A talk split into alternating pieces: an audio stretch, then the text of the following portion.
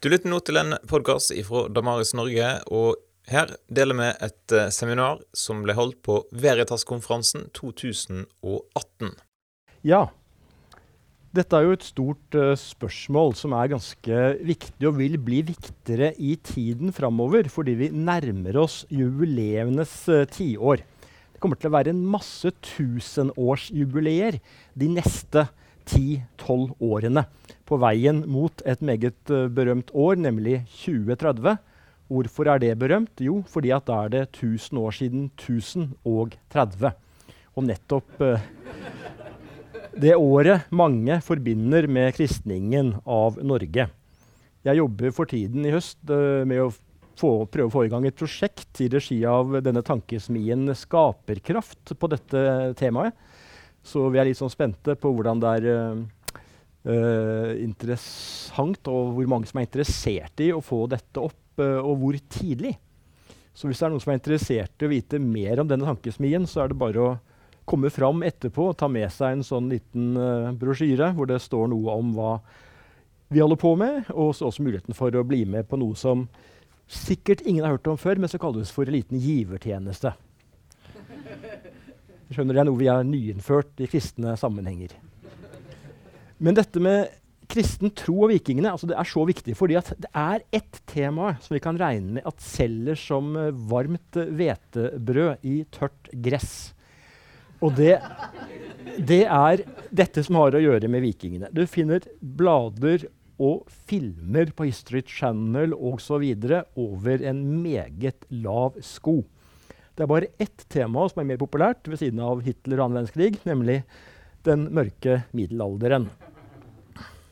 Og det er litt sånn, ikke sant? En ting er hvordan vikingene oppfattes. En annen ting er hvordan kristningen oppfattes. Ofte oppfattes det ene som veldig positivt, og det andre som veldig negativt. Vi kommer tilbake til begge deler. Det som er greia, ikke sant? Hvis man nå ser på hva som blir sagt i mange sammenhenger om kristningen, så er det ikke sant at Norge ble kristnet med sverd, noen går så langt som å si at det var IS som tok over.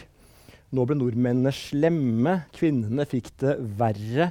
Kirken utnyttet folket og ble styrtrik osv. osv. Det er som det svarte bildet. Men så fins det også det motsatte bildet, hvor det liksom virkelig tas ut helt den andre veien.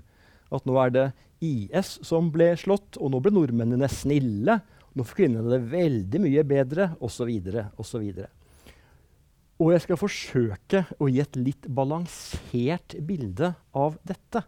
For pussig nok er heller ikke kristningen av Norge sort-hvitt. Så vi kommer til å høre mange stemmer fremover.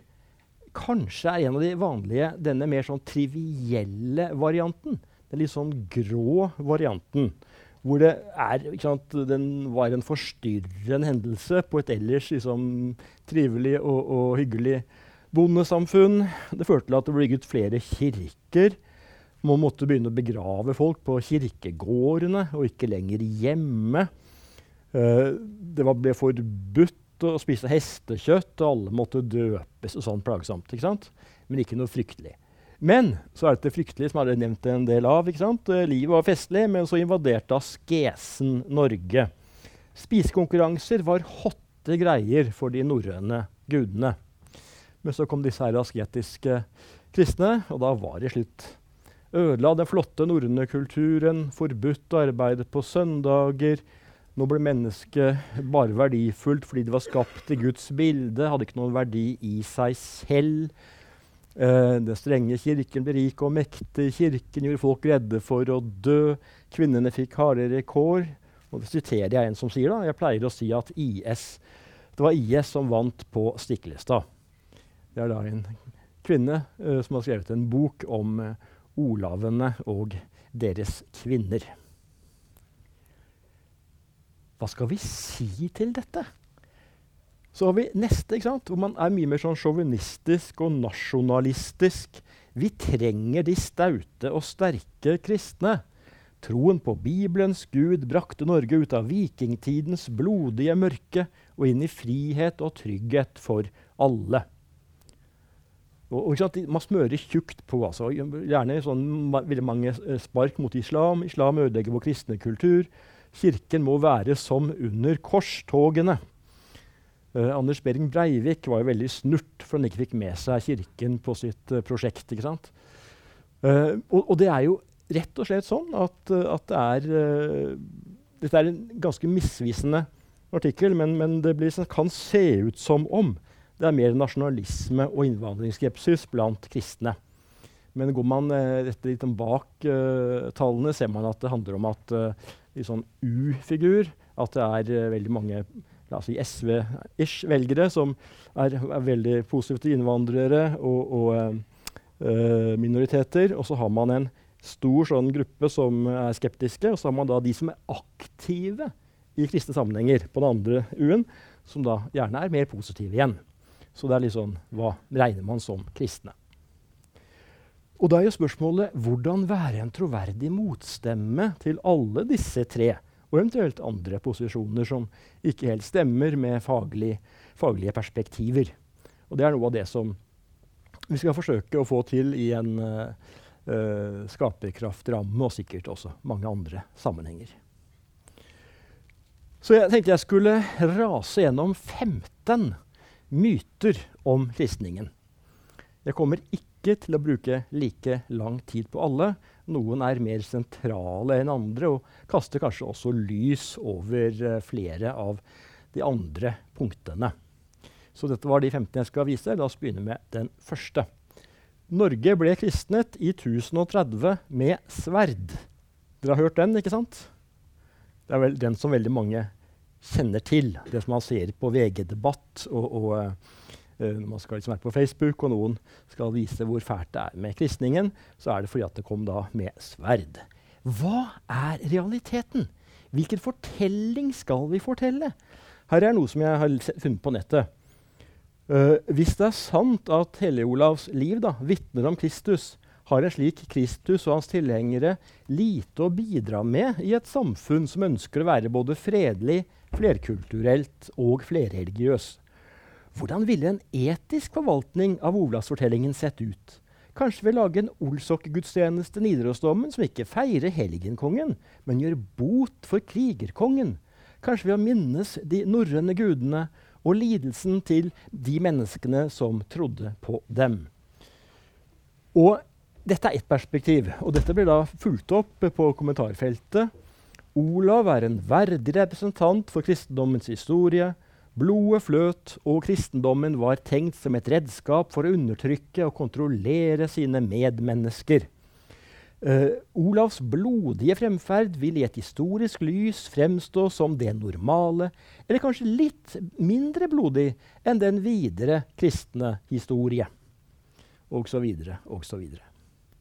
Hvorpå en da tydeligvis ble såpass uh, irritert at han svarte med hadde Ola Haraldsson vært utdanna sosionom, ville han sikkert klappa de blodtørstige vikingene på skuldra og sagt Hei, jeg heter Olav.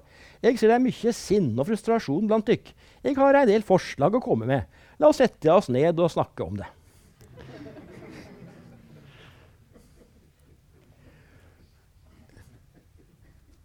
Når ble Norge kristnet, er da det første spørsmålet. Ofte så har man liksom overgangen Man startet liksom med vikingene. Første liksom kjente europeiske møte med vikingene var i år 793 ved klosteret på Lindisfarne, hvor vikingene for fram i kjent vikingstil. Og så møtte man da uh, etter hvert, uh, 200 år senere over det, Olav Haraldsson, født 200 år senere. Uh, og han er viking, bare 12 år gammel. Og så tar han og tvinger på kristendommen på nordmennene. Og, eh, så det er liksom den normale, kanskje ikke normale, men en ikke uvanlig fremstilling av kristningen. Dere kjenner den igjen, ikke sant? Ja. Det er ingen historiske eksperter her sånn, som bare med en gang rekker hånden i været. For jeg gjør det selv. Hvis man går og ser på hva som egentlig skjedde, så var dette bildet veldig mye mer sammensatt veldig mye mer sammensatt. Harald Hårfagre på slutten av 800-tallet, starten av 900-tallet øh, kan vi nevne. Uh, kommer tilbake til han. Det som er mer kjent enn han holdt jeg på å si, i denne sammenhengen, er jo Håkon den gode. Som da er det som mange regner som den første kristne kongen. Og hva har skjedd her? Jo, kong Harald Hårfagre, han som da etter sagaene var det som samlet Norge til et rike, hva gjorde han? Hva gjorde denne kongen? Jo, han sendte en av sine sønner til England. Ikke for å gå i viking, men for å bli oppdratt ved det kristne hoffet til kong Adelsten. Hva i all verden ser vi her? Hva er dette for noe? En blodtørstig vikinghøvding sender altså sin sønn til England for å bli oppdratt som kristen. Noen har tenkt at kanskje det er en antydning om at også Harald faktisk var kristen. Bare det å ta kongsnavn kunne oppfattes som et symbol på at man var en kristen konge. Hedningene brukte ofte jarlenavnet. Så Håkon Jarl, som det var flere av, han eller de var veldig tydelige representanter for den klassiske norrøne troen. Kanskje var Harald Hårfagre en kristen? Kanskje har vi knapt hatt noen konger som ikke har vært kristne. Det vet vi ikke. Det er dårlige kilder på akkurat det. Men det er en mulighet. Og hvorfor i all verden sendte han da sin sønn til Ja, unnskyld?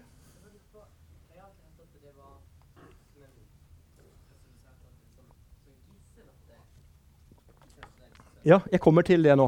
Bare generelt uh, spørsmål etterpå. Jeg glemte til å si det. Uh, men, men uh, hvis det er utrolig presserende, som du følte du hadde nå, så er det lov å rekke opp hånden, så skal jeg vurdere ut fra hvor snille dere ser ut, om det er Ja.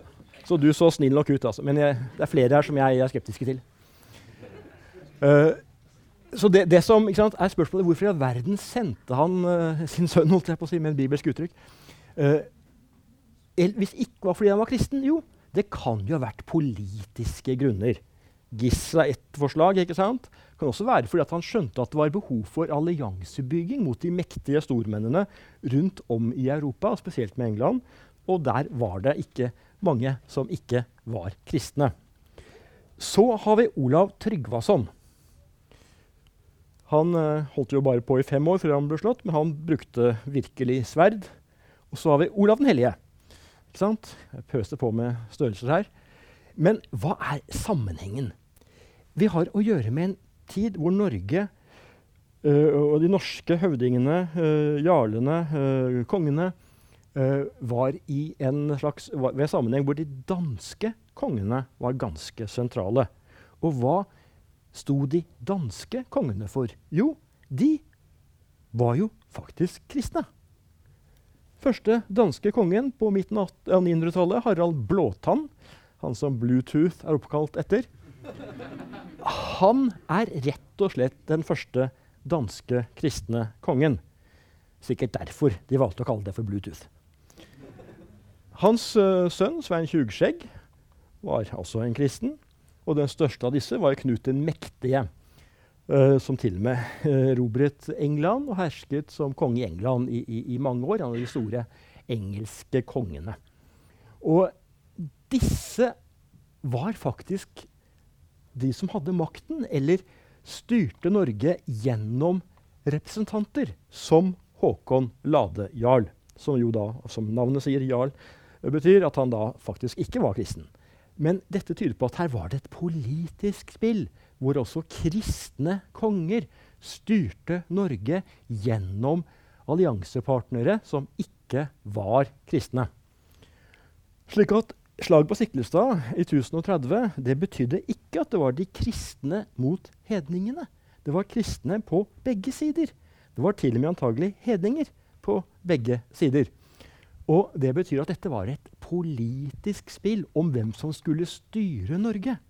At Norge da ville blitt kristent etter hvert, offisielt kristent etter hvert, var det jo ingen som helst tvil om. Spørsmålet var bare hvor lenge disse jarlene og den gamle tradisjonen kunne holde det gående. Men samtidig dette er ikke bare et maktspill. Jeg hopper litt over han her. Men altså, jeg kan, Unnskyld, Håkon er gode. Jeg skal ta litt mer om han hvis jeg har, denne foilen oppe. Han altså, var, det, er, det er ikke en sånn der, politisk opportun kristen med allianser. Liksom, sånn. Han var en virkelig troende kristen. Han kunne latin, gikk til gudstjenester jevnlig, opptatt av liturgien, helligdagene, helgenkulten, valfart og leste bøker. Jeg kommer tilbake til det, Men det var ganske sensasjonelt. En viking, for å kalle han for det, som leste bøker på 900-tallet. Det var helt spesielt. Han, og han var ikke bare snill, han herjet også i Viking. da. Men han, ikke han, han øh, fikk aksept mange steder inntil han kom til Trøndelag og møtte Klebo og Northug. Da, da, fikk han problemer ikke sant, med disse hissige lokale bondehøvdingene som rett og slett ikke ville at noen skulle komme fra utlandet og ta gull. Ser vi ikke sant, bakover historien, så har det vært en veldig tett kontakt mellom nordmenn og kristne av mange slag. Vi har handel langt tilbake. Altså, Hva var top nation på 200-300-tallet? Det var Romerriket, som så ble kristnet på 300-tallet og som vikingene, selvfølgelig nordmennene, da, før det var vikinger, hadde hørt om både på 400-tallet og 500-tallet. Andre kom, tok over etter hvert etter romerne i Europa, Vest-Europa. Men det var veldig tydelig at top nations var kristne nasjoner. Så dette visste de, og de som de handlet med fra sør, var stort sett kristne før det også ble muslimer. Treller Man fikk altså slaver som var kristne. Man fikk uh, keltiske eneboere som slo seg løs, holdt jeg på å si, slo seg ned på ulike uh, nes og, og, og øyer i, i, uh, på Vestlandet spesielt. Man hadde vikingtokter, man møtte disse kristne. Man ser bautasteiner som tydelig er kristne på 900-tallet. Man ser kors som er reist tydeligvis av kristne. da. Man finner graver ganske langt tilbake som faktisk vitner om at det har vært kristne kanskje ikke så mange i starten, men det har vært kristne ganske mye lenger enn 1030. Og så har man noe som er enda mer viktig etter mitt skjønn enn 1030, nemlig når Olav går i land ved Moster i 1024. Og dette er det Mostratinget som innfører et nytt sett av lover. Kommer tilbake til det også igjen før 1030. Og funn fra Kaupangen som ligger i Skiringsdal, tilsier at det var en kristen befolkning i Norge allerede, altså grupper da, av kristne i Norge allerede på 800-tallet. Uh, eh, ifølge Landnåma-boken, altså om uh, hva heter det, kolonisering er feil sagt, men altså om, om uh, utviklingen av Island, så er noen av de første som da kom fra Norge til Island uh, mellom 870 og 930, var kristne. Og som det ble sagt i norgeshistorie.no, det er mye som tyder på at kong Harald Hårfagre og hans sønner kjente til de fordelene som samarbeidet med kirken kunne gi. Harald Hårfagre sendte sin sønn Håkon til oppfostring hos kong Adels, uh, Adelstein i England på begynnelsen av 900-tallet vel vitende om at han ville returnere som kristen. Så jeg har sagt så langt, altså Det er helt offisiell historie. Og dette er altså nesten 100 år før uh, I hvert fall 70 år, to generasjoner, før uh, uh, 1030.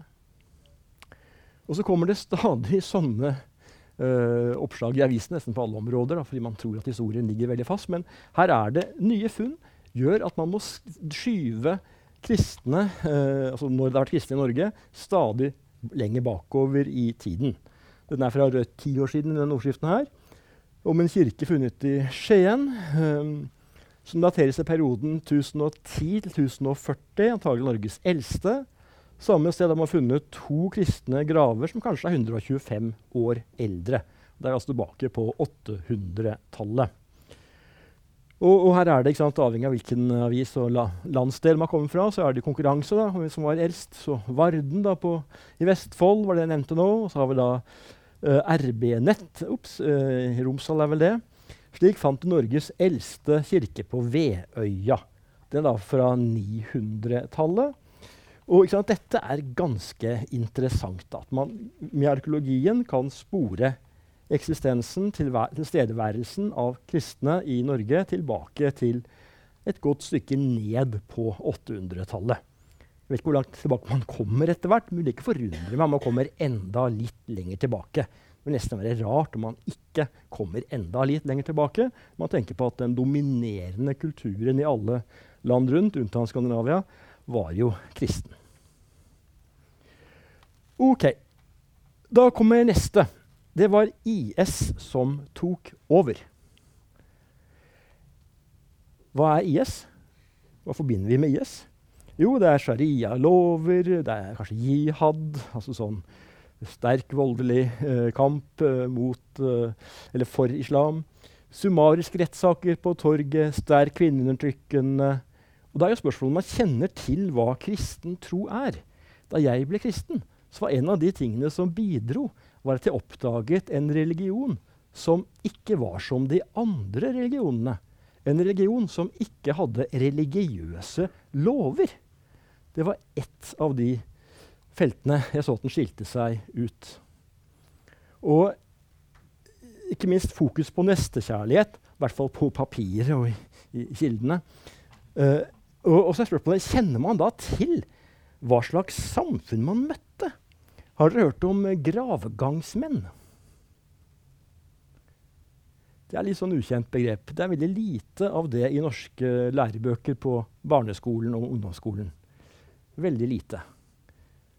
Hvis man slår opp på eh, noe som kalles for Det norske akademis ordbok, så finner man dette er et substantiv etter norrøne 'grafgangsmader'.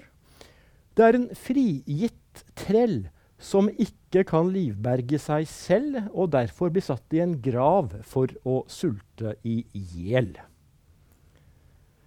Så det kan være be kanskje behov for IS av og til. Uh, altså Det er hedensk lov som påbød dette her, og den som Man satt gjerne flere treller. da, uh, Og den som levde lengst, uh, var man da nådig nok til å trekke opp og gi livet videre. Altså, dette var en kultur som rett og slett ikke var helt god. Betyr det at det var IS som nå ble slått? Vikingene var ille på mange måter, men veldig få var vikinger. Altså det er sånn misforståelse at alle nordmenn på 800 000-1000-tallet før kristningen var vikinger i den forstand som utlendingene, engelskmennene, franskmennene osv oppfattet som vikinger. Vikingene var på en måte den sjørøveraktige delen av uh, de norrøne. De fleste var jo hjemme og uh, dyrket uh, korn, husdyr og, og helt tatt fredelige folk der med handel og alt det der. Vikingene var litt på siden. men man hadde jo da klart en annen moral man fikk senere. Den var blandet. Det var ikke noe IS over dette her. Det var den sterkestes rett, kanskje, men svært pragmatisk. Og ofte veldig altså, basert på hva ættene Dette var et ættesamfunn hvor de sterke slektene, nesten stammene, bestemte over ting og kom sammen på sånne tingmøter i deler av landet og ble enige om hva som skulle gjelde som lover. Men dette var ganske sånn relativ og, og vinglete. Man endret disse lovene litt fram og tilbake. Uh, og rettesnorene det man liksom laget lover på bakgrunn av. Det var det som kunne fremme egen ære og fremme etten. Slik at uh, det var si, litt andre typer uh, prinsipper bak lovene, i den grad det var så veldig mye prinsipper. Og det var også sånn at Dess lengre ned på rangstigen folk kom, jo mindre verdi hadde man.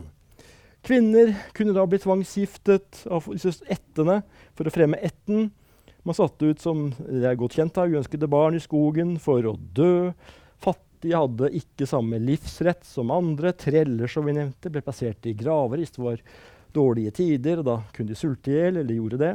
Så her er det altså ikke IS, men det betyr ikke at det var så veldig bra. Dette var sånn, mer sånn klassisk, sånn som man innenfor sosialantropologien Jeg har noen vekttall der uh, vil oppfattes som et litt uh, ja, liksom, Det er litt forskjeller, da. De var kanskje bedre enn noen, noen stammesamfunn, men dårligere an, enn andre.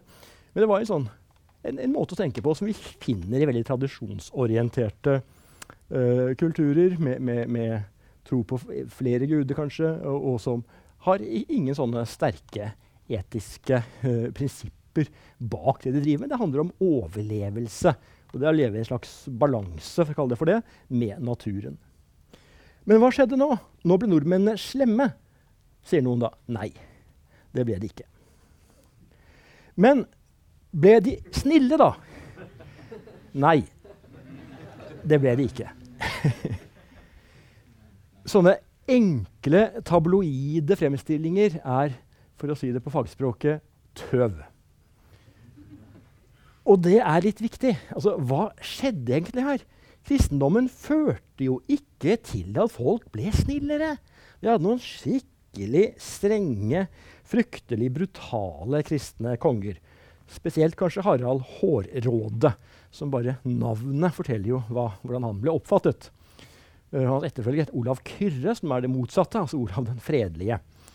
Uh, og vi har borgerkrigene på 1100-tallet. Fryktelig blodige greier så, så er det filmen om baglerne og birkebeinerne. Der, her er det ikke hardt for seg uh, i tronfølge, eller kampen om tronen. Game of Thrones, som det ofte heter. Uh, hvem skulle sitte på sverdtronen? Hva førte kristningen til? Hva i all verden førte den til? Folk ble ikke slemmere, og de ble ikke snillere er, da kan man begynne å lure. Jeg, jeg hadde et bilde av et, eh, et blad i stad. Kan vi si om hva de sier her, sånn, om hva som skjedde når folk ble kristne. Danskene ble kristne visstnok i 936 eller noe sånt. Det er senere de ber, da, men 960 ca. Uh, jo, hva skjer da? Harald bygger en trekirke og tvinger underkonger og stormenn til å la seg kristne. Så var det jo da at Danmark ble kristent. Jo, man bygger en trekirke. Da har man kristnet landet. Hva da med Norge? Ja, her står det altså at uh, med makt omvender han nordmennene til kristendommen. Noe som senere gir ham tilnavnet Den hellige. Så hvis man omvender noen med makt, får man altså senere tilnavnet Den hellige. Så Det er det kristendom handler om. Omvende noen med makt, så du kan bli kalt for hellig. Hva da med svenskene? Her står det litt mer utfyllende. Svenskene begynner å dyrke nye ritualer og leveregler.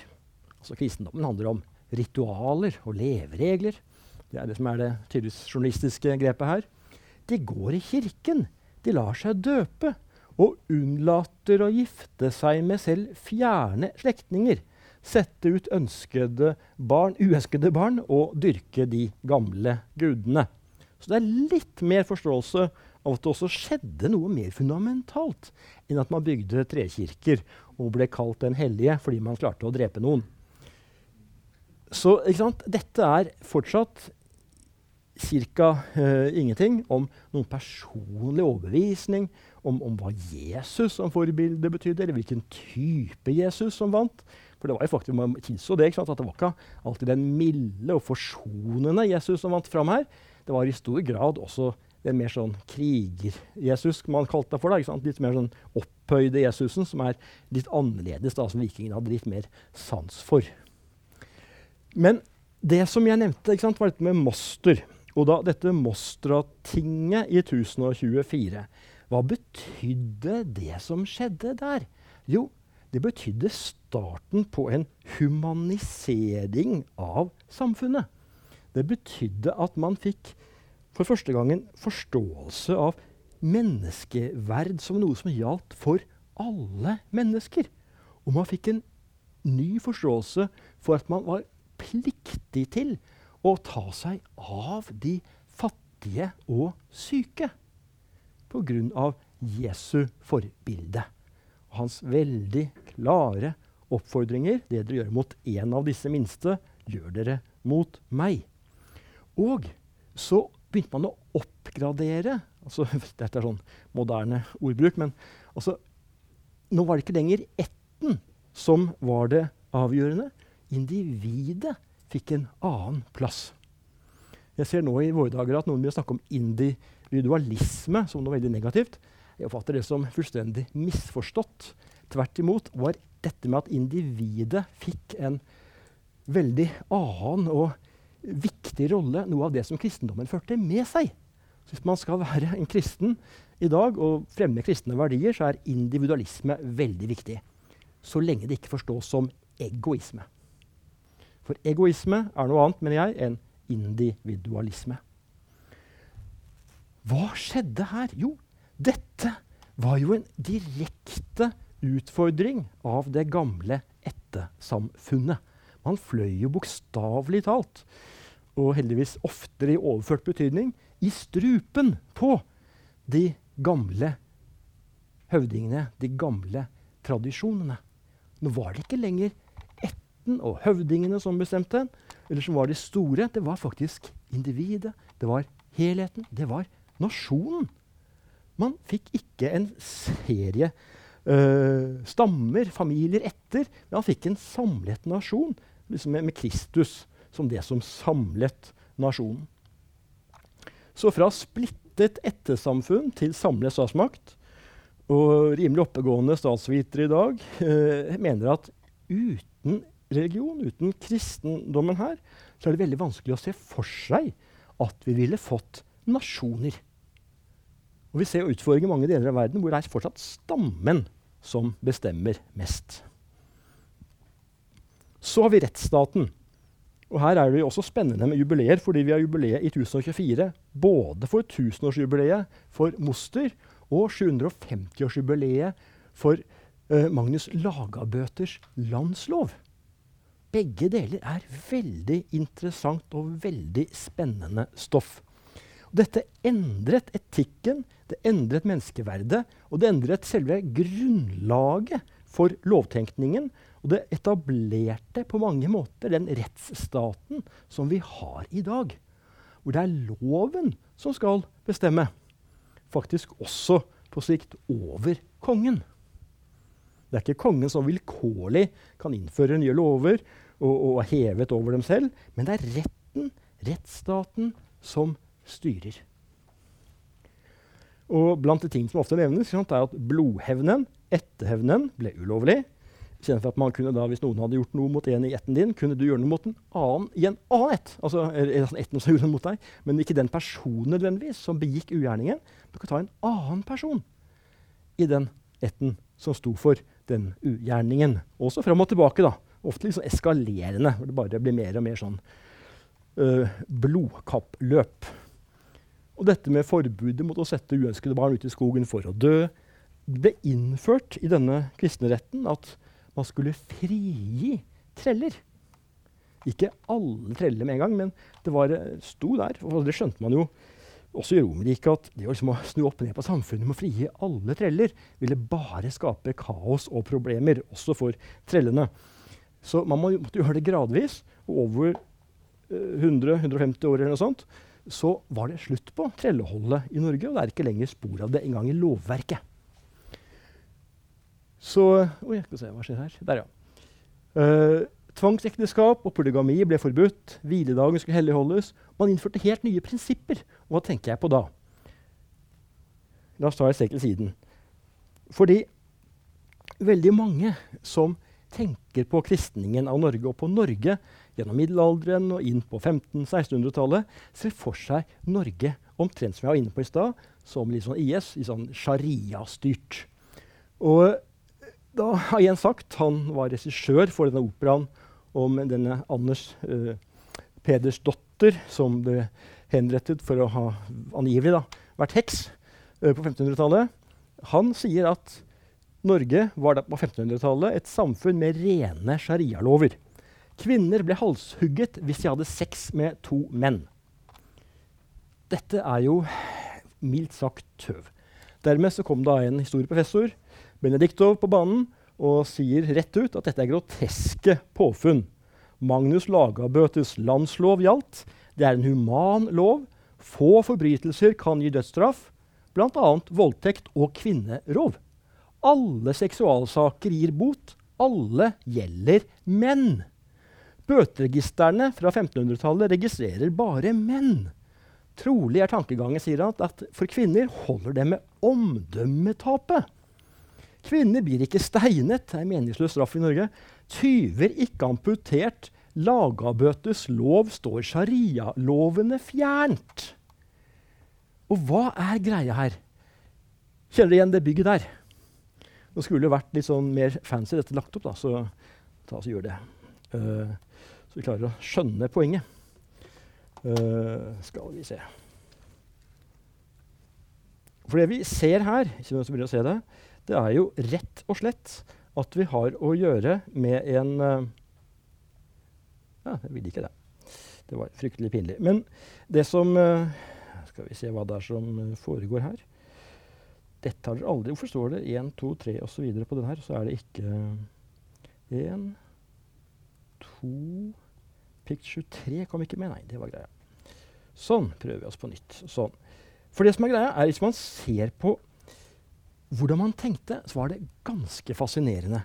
Fordi man har rett og slett satt opp en serie med statuer som symboliserer da ulike prinsipper.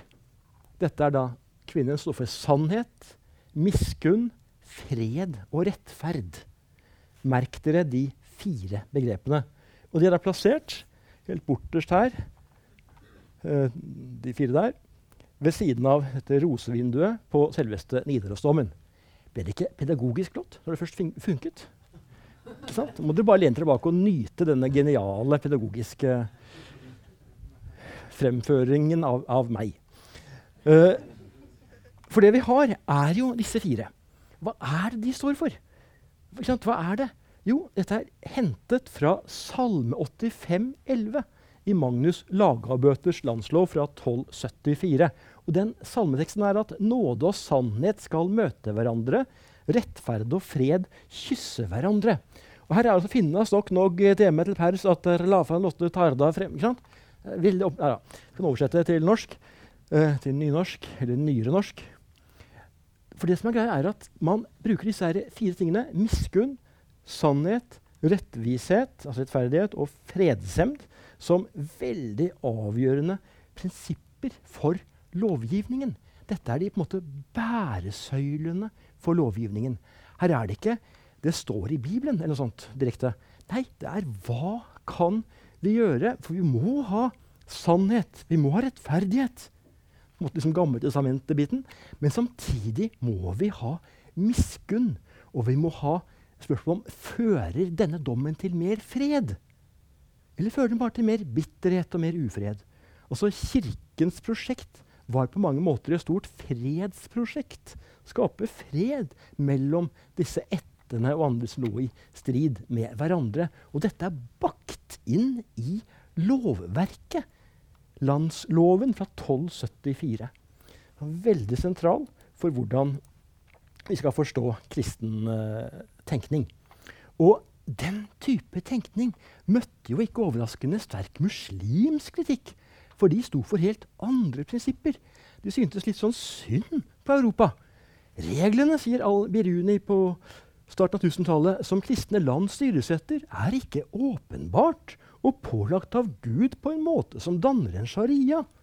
Og Ibn Rush sier drøyt 100 år senere det finnes uh, altså I Europa, da, kristne uh, områder, finnes det byer som ikke har fastlagt tidløse lover som islamsk lov. I stedet må de som har makten i disse byene, bestemme ut hva som er mest nyttig på det aktuelle tidspunkt. Tenke seg til for en skjebne. Ikke sant? Det er et helt annet rettsgrunnlag enn det vi finner i andre sterke kulturer i samtiden. Og Det er basert dels på romerretten, dels på kirkeretten som kom inn. Og det er på mange måter kirkeretten som skapte det moderne Europa som rettsstat. Eller rettsstater. Uh, skal vi se, Hvorfor klarer jeg ikke å bla videre her, da? Der. Nei, feil vei. Uh, kvinnene fikk det verre. Det er litt avhengig av hva vi snakker om. Noen kvinner fikk det avgjort verre. Høvdingdøtre og de rike og etter, uh, øverst på uh, fikk det verre. Men så har vi også rike kontra fattige. Fattige fikk det ikke verre. Fri eller trell. Norrøne kvinner hadde utvilsomt en sterkere stilling enn i mange land lenger sør. Så har det kanskje alltid vært at Norden har hatt liksom sterkere kvinneroller, kvinneoppgaver, pga. nettopp menn måtte ut lenge på fiske, jakt osv. Og, så og kvinnene satt alene hjemme. Noen måtte styre gården. Og ofte, så, ikke ofte kanskje, men altfor ofte i hvert fall, så døde mennene på fiske, i krig osv. Noen måtte da ha retten til å beholde gården og arve gården videre. ikke sant? Og kvinnene fikk da av gode grunner en mer betydelig viktigere rolle i Norge. Men det var ofte da de øverste, prominente kvinnene.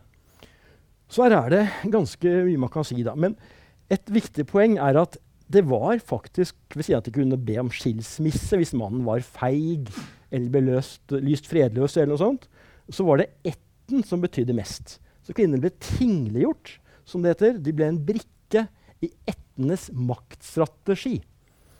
Og de kunne tvangsgiftes hvis begge etter fant det nyttig. Og menn kunne ha flere koner eller friller, uh, mens kvinnene måtte være tro. Så på Moster ble også kvinnens stilling forbedret.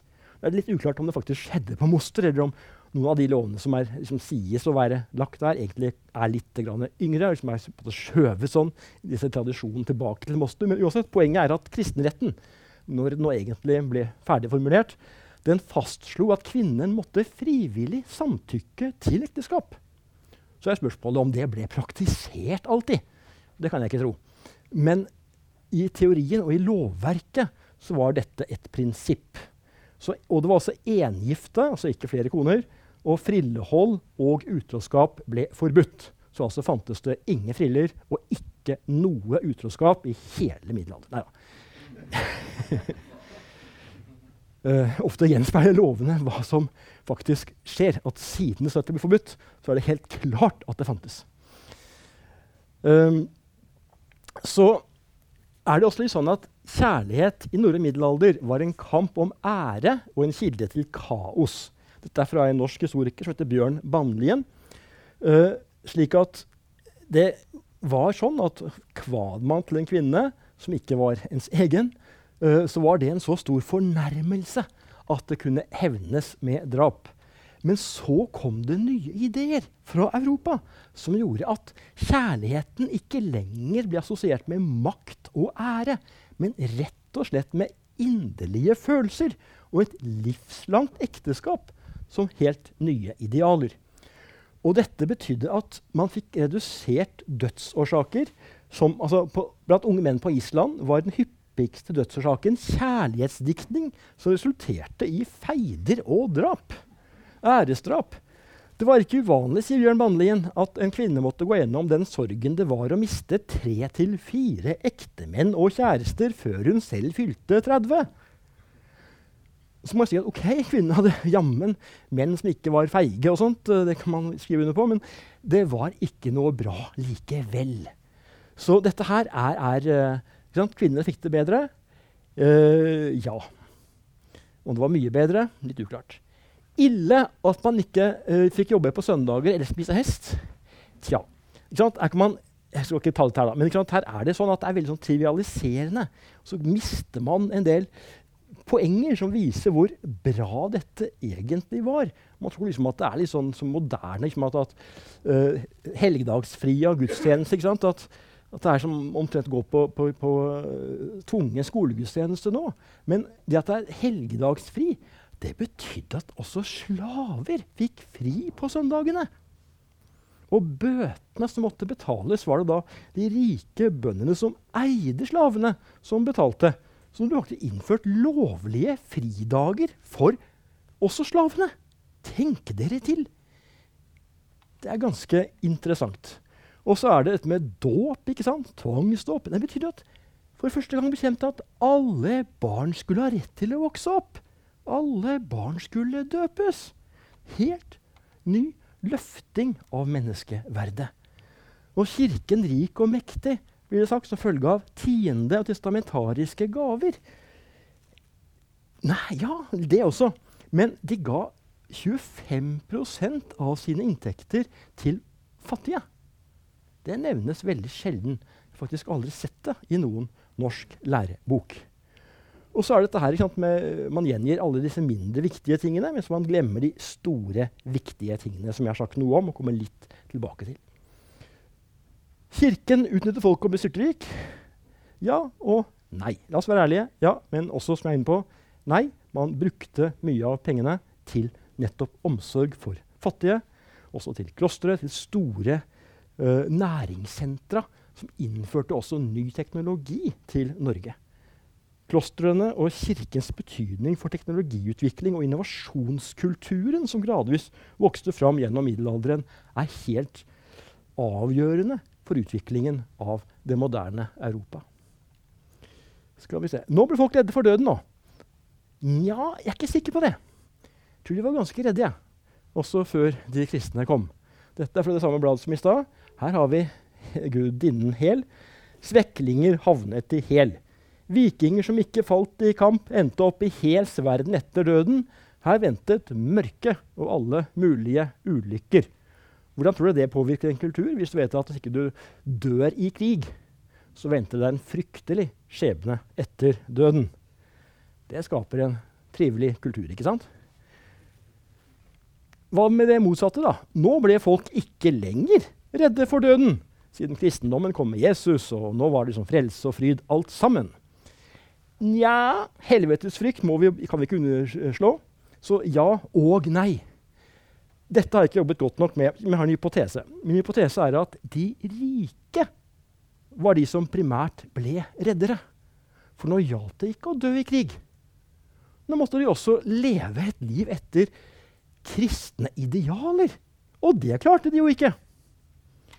De drev med maktovergrep, og de var griske, og de var urettferdige osv. Og, så og det sa jo av og til kanskje ofte biskoper og prester fra om.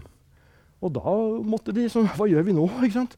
Så da var de redde for helvete, og kanskje det ga ekstra penger til kirken for å lese messer for osv.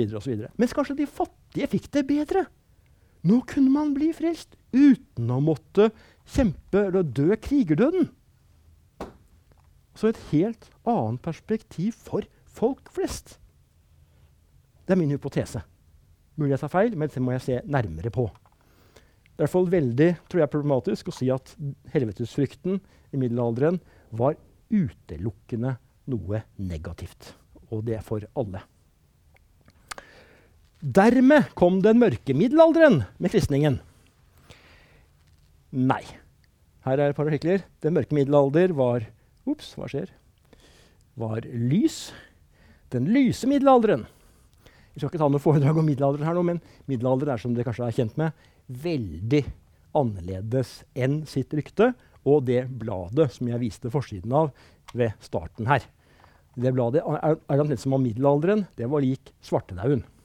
Så 1000 års middelalder er redusert til liksom to år på midten av 1300-tallet, hvor det var ekstern katastrofe gjennom svartedauden. De kristne stjal julen.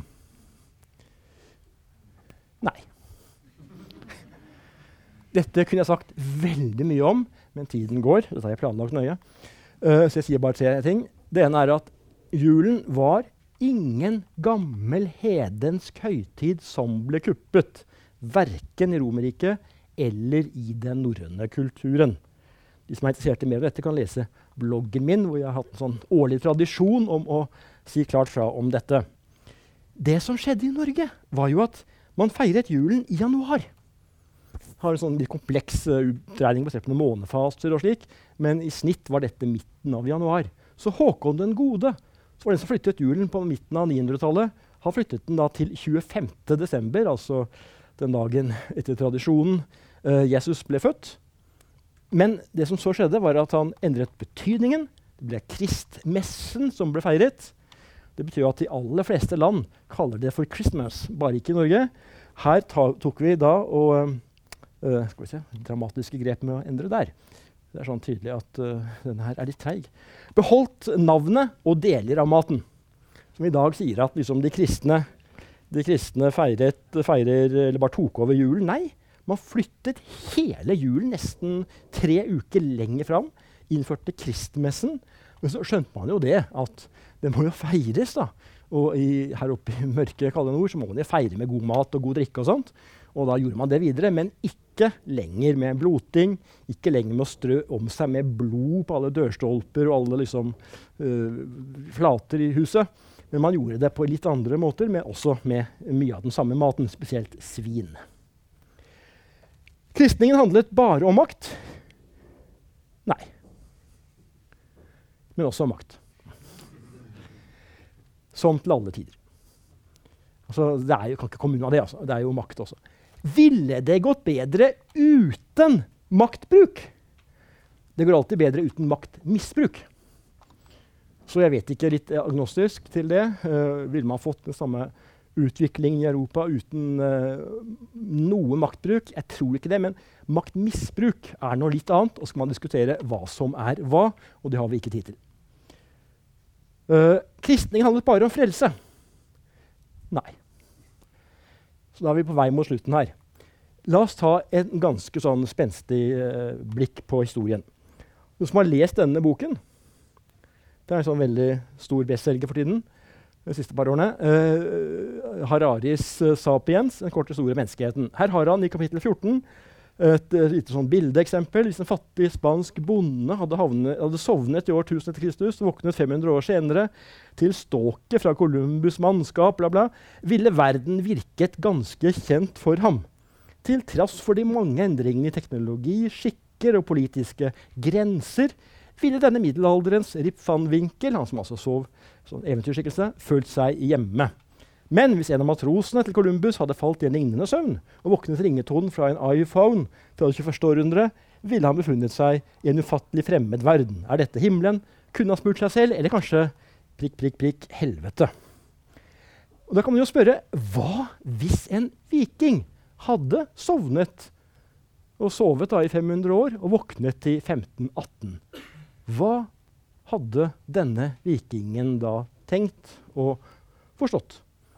ville det omtrent være ja, følt seg helt hjemme, sånn som Harari, som pussig nok kaller seg for historiker. Masse fundamentale endringer er min påstand. Fra ettersamfunn til nasjon.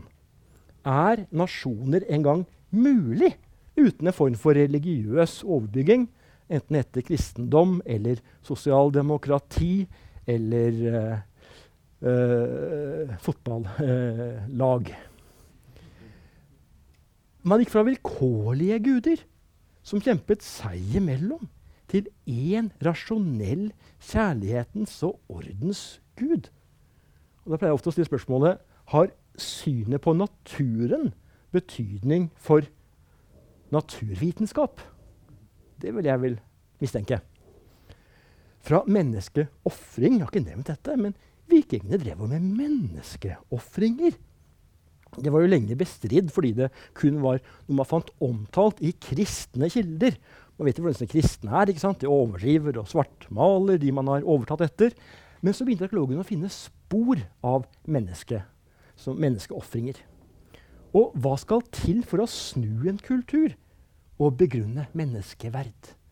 Fra menneskeofring og gravgangsmenn og sette barn ut i skogen osv til en helt annen måte å tenke på, selv om man ikke ble så mye snillere.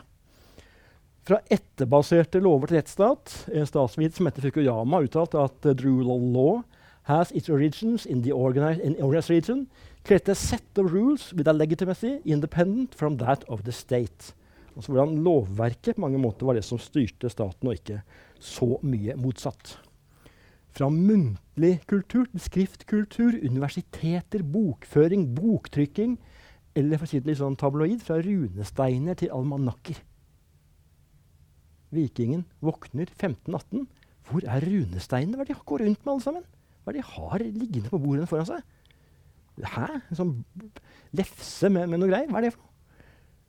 Fra sirkulær tidsoppfatning til fremskrittstro. Troen på at historien hadde et mål at det var en betydning med oss, med meg. At det spilte en rolle hva jeg gjorde for neste generasjoner. At det kunne bety at de fikk det enda bedre. Hele greia der. Man fikk notesystem, ganske viktig for musikken. Man fikk arabertall, ganske viktig for matematikk og, og, og regning. Man fikk uh, krutt, man fikk kanoner. Tenk dere vikingen ser rundt seg. Hva er disse store greiene som står foran disse her høye murene? Katedraler. Man fikk klokker. Hva tror dere det betydde? Man fikk klokker som kunne ikke bare styre tid, men sto prangende fremme på alle de store torgene i, i byene. Gjøk og andre ting spratt inn og ut av slokkene. Treåkerssystem gjorde at man kunne få dyrket veldig mye mer jord. Fikk mulighet mulig for mye høyere befolkning. Fikk Sammen med teknologiendringer som vendeplog, alle slags typer møller og briller, og, og det ene etter det andre. Altså det var rett og slett en ganske fundamental endring gjennom det jeg kaller for religionsrevolusjonen. Man fikk rettsrevolusjon, verdirevolusjon, skriftkultur. Man fikk veldig mange forskjellige ting. Man kan ramse opp. Jeg skal bare vise det her for å imponere. Uh, det er mange ting man da kan nevne. Så da er spørsmålet hvordan forandret kristen tro vikingene? Og mitt svar er på nesten alle måter. Takk for meg.